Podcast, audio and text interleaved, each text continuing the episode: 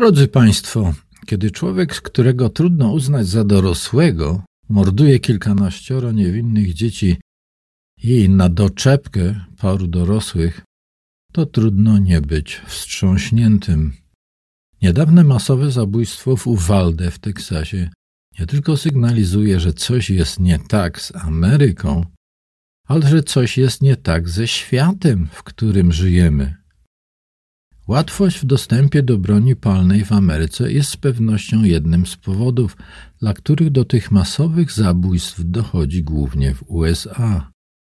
Jako psychologa interesuje mnie jednak bardziej, jak to się dzieje, że człowiek bierze broń i zaczyna strzelać do kogo popadnie.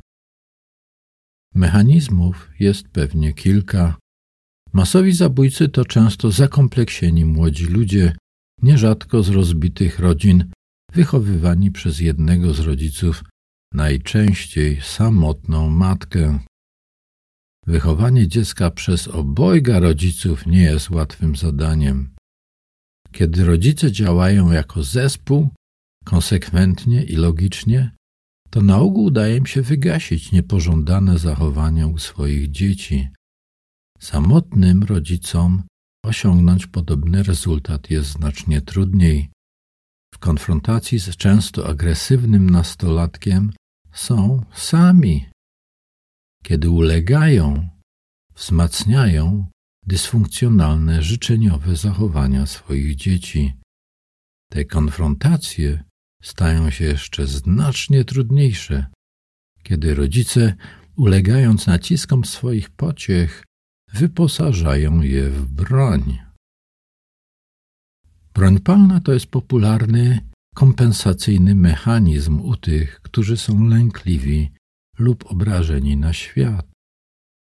Posiadanie broni daje im poczucie siły i kontroli. Im bardziej śmiercionośny karabin, tym większy wydaje się im ich własny członek. Problem polega na tym, że ten kompensacyjny mechanizm ma krótkie nogi.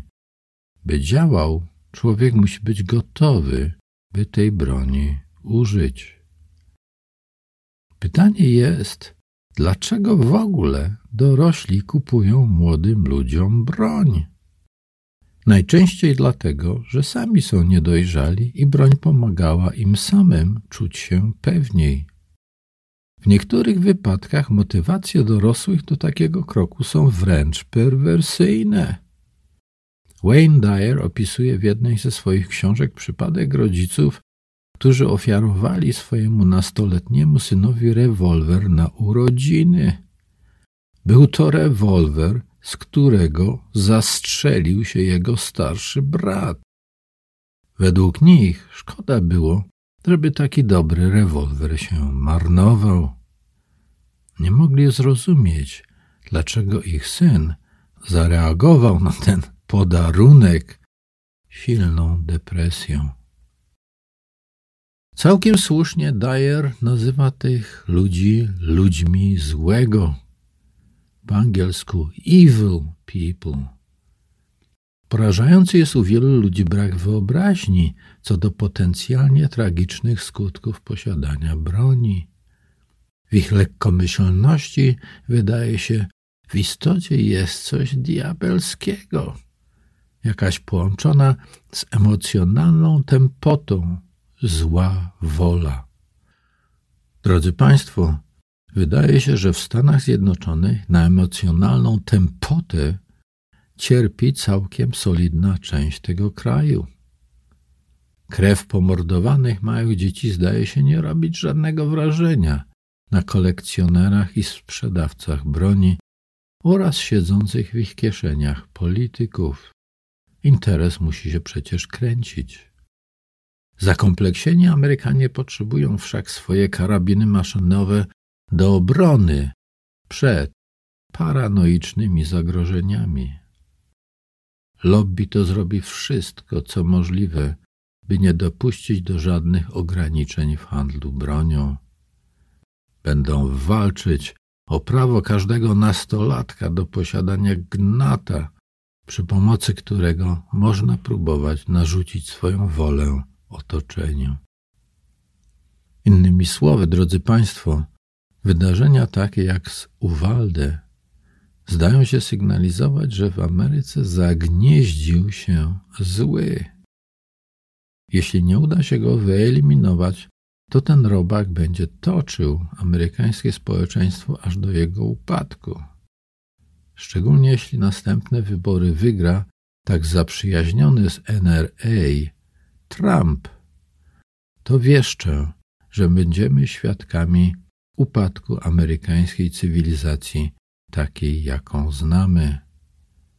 Rządy przejmą uzbrojone po zęby milicje paranoicznych, agresywnych mężczyzn z małymi penisami, walczącymi o wolność do robienia tego, co się komu żywnie podoba, a szczególnie do noszenia broni zawsze i wszędzie. Że podobne niebezpieczeństwa istnieją też w Kanadzie, pokazały nam niedawno niesławne konwoje wolności. Pytanie jest, drodzy słuchacze, co my możemy w tej sprawie zrobić? Przede wszystkim popierajmy polityków, którzy zmierzają do wyeliminowania broni z przestrzeni publicznej.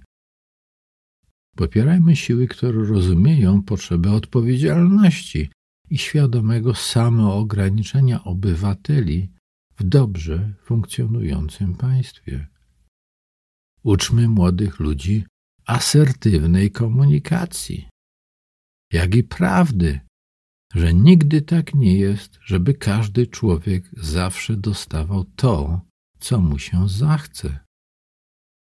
Nade wszystko nie kupujmy i nie ofiarowujmy broni komukolwiek, szczególnie nastolatkom, którzy z samej definicji nie mają poukładane w głowie. Może wtedy krew pomordowanych dzieci spadnie na głowy producentów i handlarzy bronią, a nie na nasze własne. W prawdzie, prostocie i miłości Piotr Rajski.